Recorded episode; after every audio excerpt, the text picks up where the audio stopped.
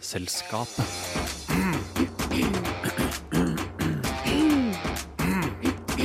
Vitenselskapet. Et hav som splittes for å bli midlertidig gangvei. Et helt folk som momentant begynner å snakke vidt forskjellige språk.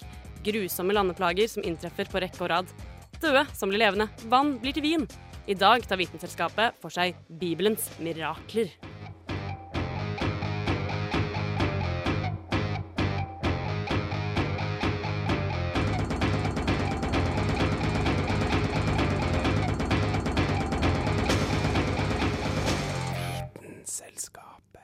Forrige uke var det Kristi himmelfart, og nå til helgen begynner pinsa.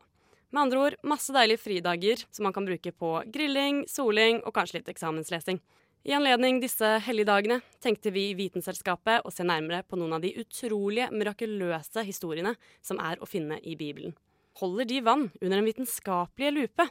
Det skal du få høre mer om den neste halvtimen her på Radio Nova, for nå er det nemlig duket for Vitenselskapets bibelspesial.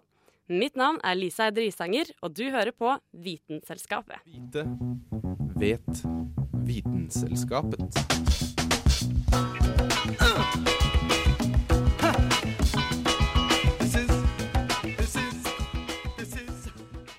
Aller først i denne sendinga skal vi ta for oss historien om Moses som splitter Rødehavet på flukten ut av Egypt.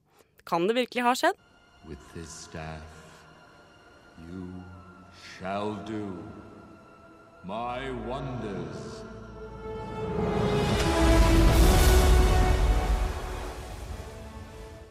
Så finnes det en vitenskapelig forklaring, et vitenskapelig alternativ, på et av de mest berømte og spektakulære hendelsene i bibelhistorien, splittelsen av Rødehavet. Som vi vet, så plasserte Moses sin stav i vannet slik at Gud kunne splitte havet. På den måten kunne hebreerne krysse havet ved å gå på bar bakke, tvers over et område der det ellers ville vært dyp sjø. Er det i det hele tatt noe i den naturlige verden som kan forklare dette? Ifølge Naum Wolsinger ved universitetet i St. Petersburg så finnes det en forklaring som vitenskapen kan backe opp. En kraftig vind kan nemlig ha dyttet havet til side, for på den måten å åpenbare et underliggende rev. Dette revet kunne hebreerne da bruke som landbro over til den andre siden av havet. Sammen med Aleksej Androsov, en kollega ved Hamburg-universitetet, så kalkulerte de to forskerne ut at en vind med en hastighet på 107 km i timen kunne, hvis den var aktiv hele natten, ha dyttet vannet såpass til side at et rev kunne vise seg. Hebreerne kunne da gå over, og de hadde brukt omtrent fire timer på å krysse det syv kilometer lange revet som går fra den ene kysten til den andre. Etter en halv time ville vinden bli redusert i styrke, og havet hadde dekket revet igjen. Ifølge Folsinger ville revet vært nærmere havets overflate for 3500 år siden enn det er i dag, noe som gjør teorien mer plausibel. Colin Humphreys, en fysiker ved Cambridge, diskuterer en annen interessant forklaring på splittelsen av Rødehavet og problematikken rundt den. Denne andre forklaringen ligger i at The Red Sea er blitt feiloversatt fra det hebraiske navnet på The Sea of Reeds. The Sea of Reeds, altså sjøen av siv, refererer ifølge denne teorien til en sumpaktig sjø inne i landet som ville vært enklere å krysse. Humphreys har også vært der den dag i dag og funnet ut at det vokser siv der fortsatt, slik at denne teorien også er plausibel. Vitenskapelig forklaring eller ei, så kan det jo være at splittingen av Rødehavet fortsatt var et mirakel. Humphreys sier at miraklet ligger i timingen. Ikke at splittingen fant sted som sådan, men at den skjedde til riktig tid, slik at hebreerne kunne dra nytte av den.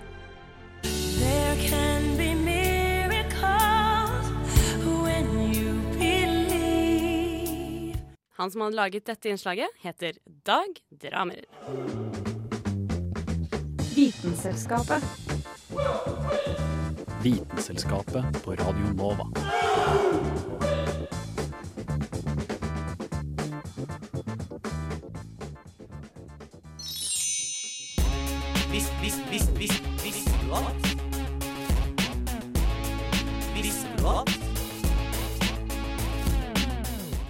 Visste du at miljøgifter flyr fra deodoranten din helt til Svalbard?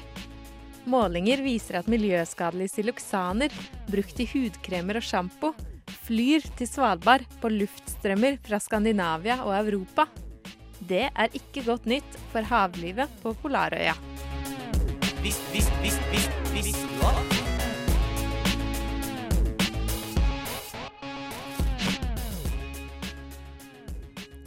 Spedalskhet er en sykdom som nevnes flere steder i Bibelen. og er også en av de eldste sykdommene som legevitenskapen kjenner til. Faktisk kan den ha eksistert så lenge som i 10 000 år. Nesten like lenge har den vært et mysterium for oss mennesker, helt til en nordmann løste gåten. Året er 1874, og bergenseren Gerhard Henrik R. Maur Hansen leverer inn sin avhandling 'Undersøkelser angående spedalskhetens årsaker'. Dette blir et vendepunkt i historien om en smertefull og råtten sykdom som har vakt utrolig mye smerte, frykt og ensomhet hos de den har ramma. Det Armaur Hansen oppdaga, var nemlig at spedalskhet skyldtes en bakterie, leprabasillen. For oss kan kanskje bakterier virke som en opplagt årsak, men dette var på en tid da det var stor strid blant ekspertene om spedalskhet i det hele tatt var smittsom, eller om den var arvelig. Interessant nok kan man faktisk argumentere for at den er litt av begge deler. Selv om spedalskhet er forårsaka av en bakterie, betyr nemlig ikke det at hvis en som er spedalsk hoster på deg, vil du bli smitta. Leprabakterien er nemlig en temmelig lite effektiv bakterie. 95% av alle mennesker har et immunforsvar som lett kan kvitte seg med leprabasillene. For å bli syk må du med andre ord være så uheldig å være blant de 5 prosentene som har anlegg for det, og akkurat denne egenskapen kan være arvelig. I tillegg må man eksponeres for store mengder av leprabasillen over lengre tid, og helst ha proteinmangel for å være utsatt for smittefare. At det er liten sannsynlighet for å bli smitta, er nok allikevel en mager trøst for de som blir ramma. For fram til antibiotikaen kom på bordet, var spedalskhet ensbetydende med en langsom og pinefull død. Det Armauer Hansen så gjennom sitt mikroskop den gangen for 142 år siden, var noen lange staver som oppførte seg besynderlig. Han konkluderte med at spedalske knuter inneholdt slike staver, og i dag vet vi at han hadde rett.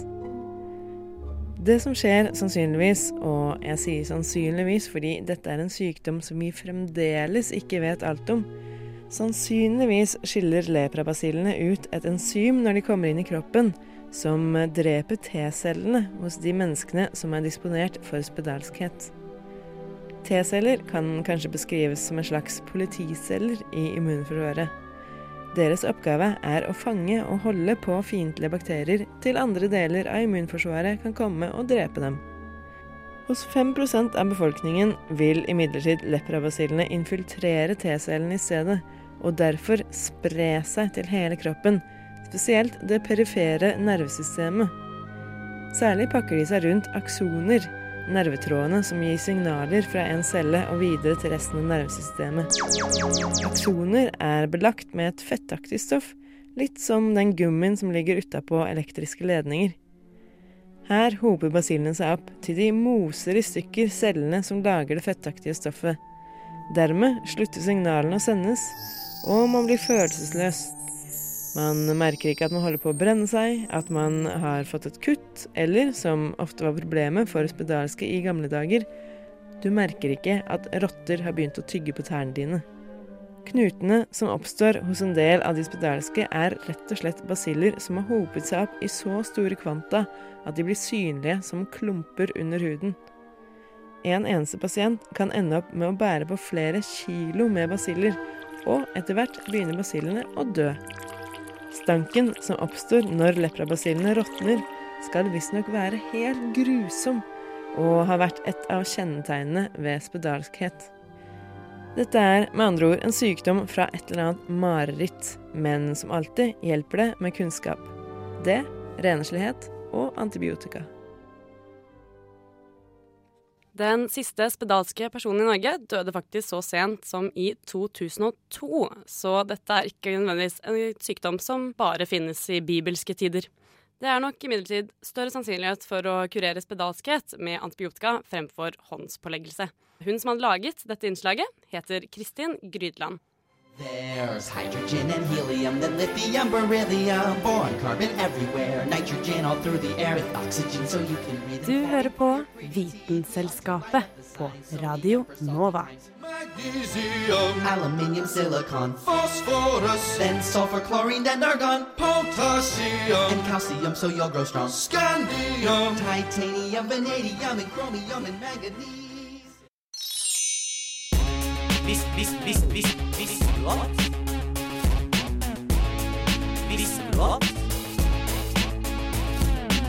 Visste du at? Tarmbakterier, eller mer korrekt mikrobiota, i magen og fordøyelsessystemet er helt essensielt for din helse? De hjelper til med å fordøye maten på flere ledd av fordøyelsesprosessen, og hjelper immunforsvaret med å være intakt. I magen har du flere trillioner mikrobiota. Flere bakterier enn du har celler i kroppen. Visst, visst,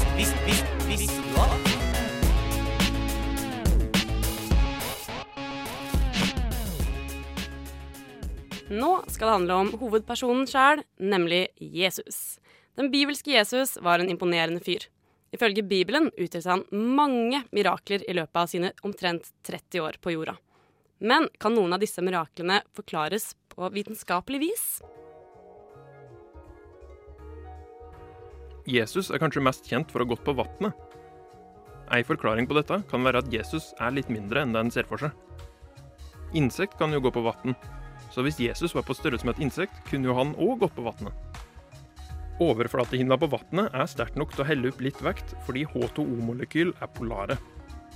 Molekylet har en positiv ende og en negativ ende. Med et annet vassmolekyl vil det som følge oppstå ei svak binding mellom minus og pluss, på samme måte som med magneter. Dette er ei dipolbinding. I vann sitt tilfelle er det mer spesifikt ei hydrogenbinding. Nede i vannet er hvert molekyl omringa av andre molekyl, og attraksjonen fungerer i alle retninger. Men i overflata er ikke H2O lenger omringa, og dipolbindingene virker mellom overflatemolekylene sterkt nok til at ei hinne blir danna. På denne hinna kan en bitte liten Jesus gå, null problem. Nå var kanskje Jesus litt større enn som så. Ei anna forklaring på vassvandringa hans kan være at den gikk på ei ikke-nøytonsk væske. Denne type væske vil, når påført stress, reagere ved å bli fast, tro det eller ei. Så tråkker du i denne væska, vil du bli stoppa på overflata. Og her er det dipolbindinger som står bak effekten. I ikke-nøytonske væsker er det lange molekyler som lenker seg sammen med hydrogenbinding. Grunnen til at du ikke går gjennom væska, er at alle bindingene mellom de lange kjedene blir forsøkt frarivende samtidig. Frariving av ei og ei binding går fint, men alle samtidig fører til at stoffet oppfører seg som om det var fast. Se for deg en glidelås. Det er lett å åpne en glidelås om du drar i hampen, men prøver du å rive den opp fra sidene, er det mye vanskeligere. Vann som er tilsatt stivelse, er et eksempel på ei slik væske. Kanskje Genesaretsjøen var full for stivelse for 2000 år siden, når Jesus vandra rundt der? Ei mulig forklaring, i hvert fall. Tidenes partytriks ble utført i et bryllup i Kanaan. Det var her Jesus gjorde vann om til vin. Forskere ved Stanford University har i første omgang gjort vann om til etanol, sprit. En av disse vitenskapsmennene heter passende nok Matthew Cannon.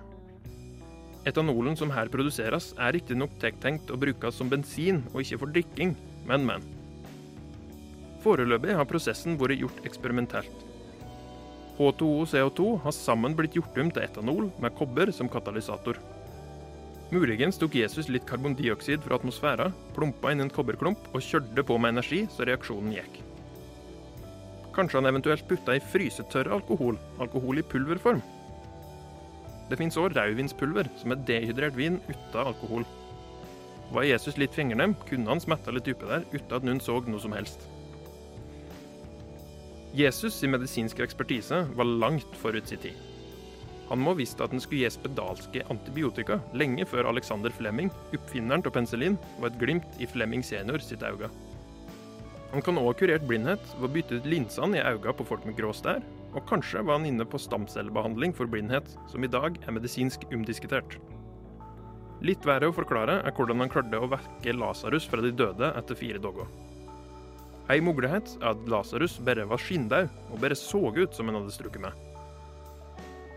Det er ikke verst å ha det vitenskapelige kunnskapsnivået til MacGyver uten at en vitenskapelig metode en gang var påfunnet. Det hadde vært jævla artig å sett disse to karene science skiten ut av en legokloss og en gummistrikk. Jeg holder sjøl en knapp på Jesus, sjøl om han ikke har en vakker hockeysveis.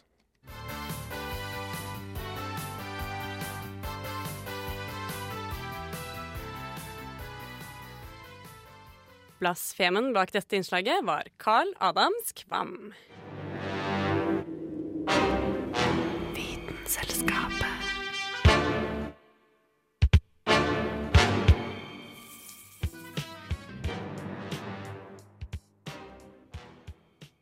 Etter at arken hadde overlevd syndeflommen, velsignet Gud Noah og sønnene hans og sa til dem, Vær fruktbare, bli mange og fyll jorden.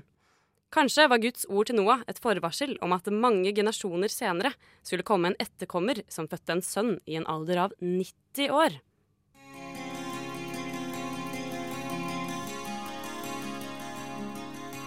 Bibelen inneholder flere oppsiktsvekkende historier om menneskers alder. Noah eksempel ble 950 år før han døde, og ble far i en alder av 500 år.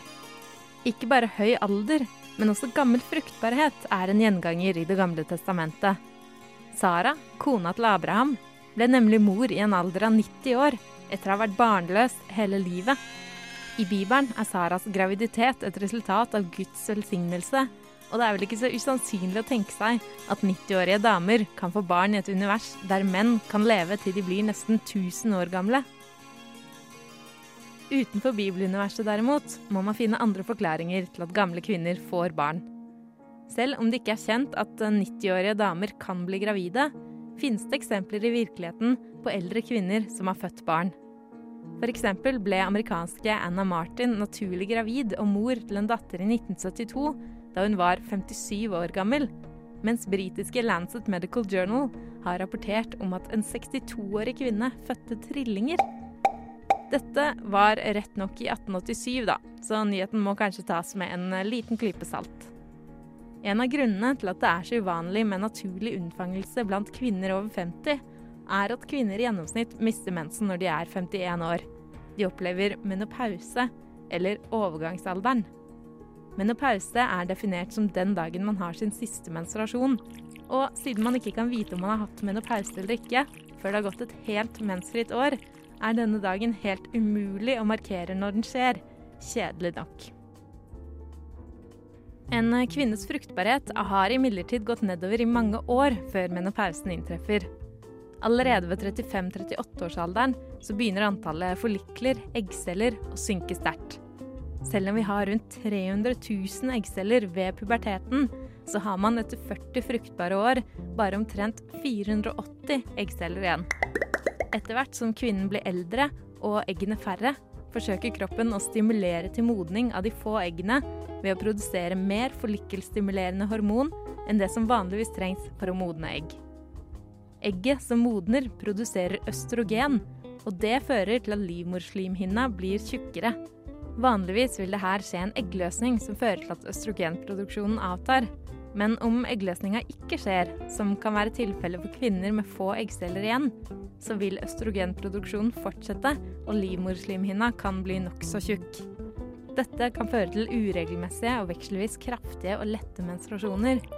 Og når det er veldig få eggforlikler igjen, vil eggstokkene til slutt slutte å produsere østrogen, og menstruasjonen vil opphøre. Menopausen har inntruffet, og kvinnen er ikke lenger fruktbar. Det finnes eksempler på at kvinner som har brukt medisiner for å dempe overgangsalderplager, har blitt gravide selv om de har vært over 50 år. Men det er ikke her vi finner de mest ekstreme tilfellene av eldre mødre. Det er nemlig mulig for kvinner å bli gravide selv etter at de har mista mensen, gjennom prøverørsbehandling med donoregg. Befrukter man et donoregg utafor kroppen og fører det befruktede egget inn i kvinnens livmor, er man ikke avhengig av at kvinnen selv produserer egg. Da kan det oppstå situasjoner som nærmer seg bibelske. I 2005 ble en 66 år gammel rumensk kvinne mor til tvillinger. Og i 2008 så fødte en indisk kvinne en datter i en alder av 70 år. Verdens eldste mor var altså 20 år yngre enn Sara da hun ble gravid ved hjelp av medisinsk teknologi. Det fantes nok ikke prøverørsbehandling og donoregg på Saras tid, så hennes fødsel i en alder av 90 år må sies å være et medisinsk mirakel, og vel en umulighet, om man skal være ærlig. Hun lo for så vidt av det, hun også. Som hun sier det selv i første Mosebok, etter at hun har født sønnen Isak. Gud har fått meg til å le, og alle som hører dette, kommer til å le med meg. Så det er altså eggene og ikke livmoren det skorter på når gamle kvinner skal bli gravide. I 2014 fødte en kvinne i 30-årene en frisk baby etter å ha fått operert inn en livmor fra en 61 år gammel donor. Det er ganske utrolig. Hanne Grydland er navnet på hun som lagde dette innslaget om fruktbarhet både før og etter i Jesu tid. Hæla i taket med Vitenselskapet.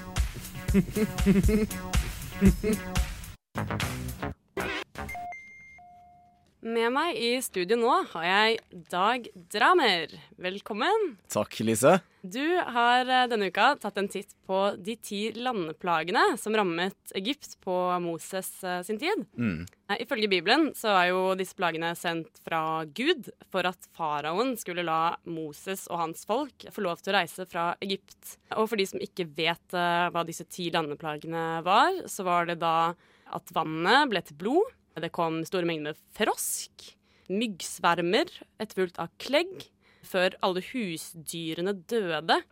Og så kom en bølge med støv og verkebyller, etterfulgt av haglbyger, gresshopper, mørke og til slutt de eldstefødtes død. Fun times. og du har jo da tatt dine internettkunnskaper fatt, eh, Dag, og Mm. funnet ut eh, hva vitenskapen har å si om disse tingene. Fant du noen forklaring? Jeg fant uh, flere forklaringer. Altså, spørsmålet er jo uh, hvor, om vitenskapen kan ha en forklaring på alle disse, disse ti plagene. Fordi det er jo ganske mange av dem. Og uh, spørsmålet er da Finnes det en slags bakenforliggende forklaring som kan da f.eks. appellere til moderne vitenskap som f.eks. meteorologi, biologi, økologi osv.? Uh, og det er det. Eh, det er mange som har forsket på dette, faktisk. Eh, og jo mer vi vet, jo mer kan vi da eh, bli inspirert til å eh, komme med antakelser fra vitenskapelig hold om hva som faktisk skjedde. Mm. Um, så uten å snakke for mye om det etiske her, så går vi rett inn og snakker om arkeologi. Fordi man har jo funnet da denne byen, Pi Ramses, som den heter, ved Nil-deltaet. Som var en av de store byene på Ramses den annens tid, som er rundt 3500 år siden, da landeplagene skal ha funnet sted. Man starter med da den viktige eh, kjensgjerningen som man har funnet ut ved å undersøke stalagmitter og stalaktitter i egyptiske huler. Og funnet ut at klimaet på Ramses sin tid var først veldig fruktbart, og deretter så var det en, lang periode med tørke. Man vet ikke helt hva tørken kom av, men det man vet er selvfølgelig at det blir store konsekvenser for folka, for dyr og hele økologien i området. Så Nilen, som er kilden til alt liv i Egypt, ble da, hvis man skal ta, tro på denne tørketeorien, da skrumpet inn. Den ble mer stillestående, stillegående, og da den ble mørkere, med mudder og slam og dritt, rett og slett. Ja, ok, Så det kan hende at uh, elva ikke ble til blod, men at det ble til mørk dritt? Mm, men det er, det er ikke en god nok forklaring. Så det, det som skjer da, er at det er noen bakterier som trives veldig godt i eh, mer stillestående vann, gjørmevann. Og det er eh, en bakterie som er kjent som oscillatoria rubescens. Og den eksisterte for 3000 år siden. Og det som skjer når den, den hoper seg opp da, og voldsomt uh, brer seg i elvene, og når den dør, så ser den helt rød ut. Aha. Så store mengder av disse døde bakteriene i ganske stillestående vann, de ser ut som blod. Ja. Så kan Men det godt- var det sannsynligvis ikke. Nei, det var uh, mest sannsynlig ikke blod. Men, uh, Men allikevel kanskje noe man ikke vil eh, gå og drikke og bade i og Nei, det, bare det at det ser ut som blod, er jo nok til å uh, ville holde seg holde seg unna. Og i tillegg for egypterne så var det slik at dette bare representerte det at elven var ubrukelig. Så på Mm. en måte så er det en samme budskap, da kan du si, blod eller døde bakterier. Og da går vi over til derfra til de to-tre andre neste landeplagene. Så frosker, mygg og klegg. Frosker, for eksempel. Froskene de kan eh, fremskynde prosessen med å gå fra rumpetroll til voksen frosk gjennom stress. Så når disse bakteriene da eh, klogget opp hele systemet i Nilen, så kunne froskene da bli frosker, altså fullvoksne frosker raskere. Og dette førte til at de ville forlate vannet raskere.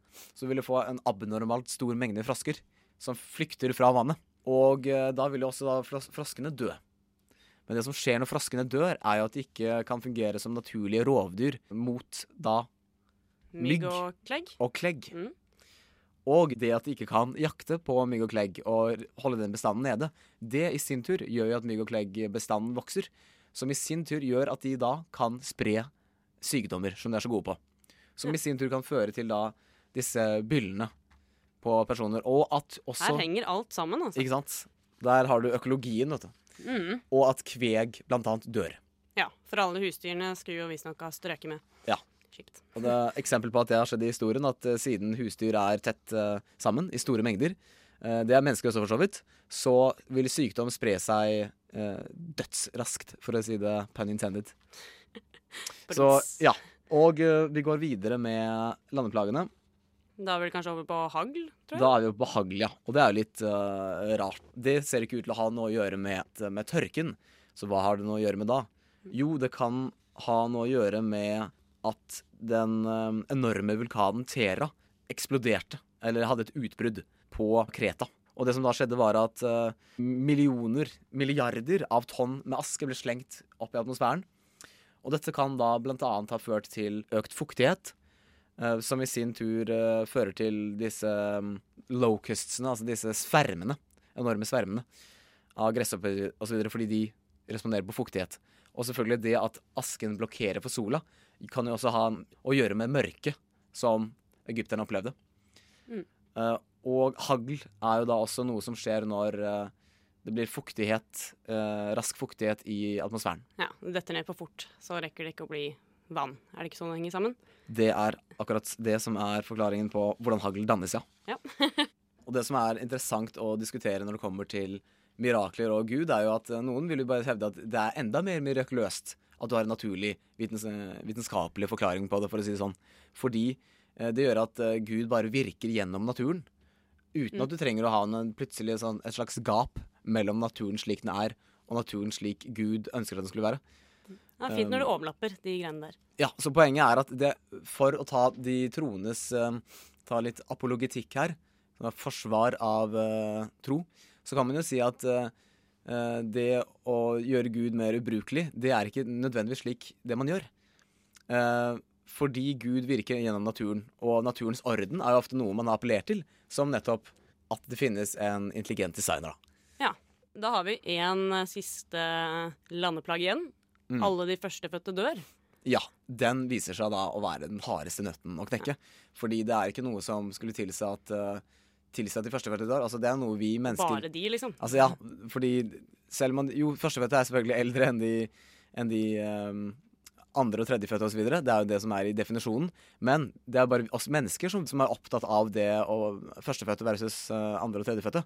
Uh, det, er- det inngår i vår måte å, å, hierarki, å lage et en, si, familiehierarki, da. Ja. De førstefødte arver osv. videre. så naturen bryr seg ikke om første- eller andrefødte. Naturen vil jo bare si ja, hvis du er ett år eldre enn din bror eller søster, så har ikke det så mye å si for naturen. Så kanskje det var en eller annen eh, gæren menneskefyr da, som eh, løp rundt og drepte alle de førstefødte? Og det hadde vært veldig suspekt. Så de, de appellerer ikke til noen menneskelig forklaring. Det en teori som er litt svak, sier, er at de førstefødte døde pga. forgiftning i korn, eller eh, bakterier i kornet, eh, som de da spiste. Og at siden de førstefødte får kornet først, de har jo førsteretten, så er det de som da vil også De tester maten De- først, og når de dør, så spiser jo ingen andre Eller de får tilgang på maten først.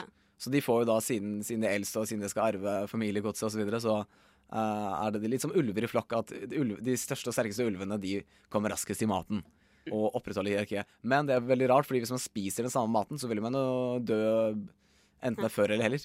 Så, Kanskje de andre bare ikke spiste den, da. Ja, det kan jo være. Det er litt uh, suspekt. Ja, og med det så tror jeg vi setter eh, strek, vi har uh, brukt opp all tiden vår. ja, Altså. Tusen takk for at du kom i dag. Bare hyggelig, Uh, Dette var veldig interessant å høre om. Selskapet. Det var altså alt vi rakk for denne gang. Eh, hvis du vil høre mer artig vitenskapsradio, så bør du sjekke ut vår podkast på Soundcloud eller i iTunes. Følg oss også gjerne på Facebook og Instagram, så får du flere vitenskapelige godbiter å kose deg med.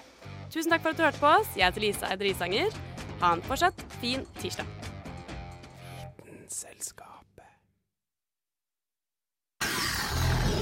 Radio Nova, FM 99,3 og radionova.no.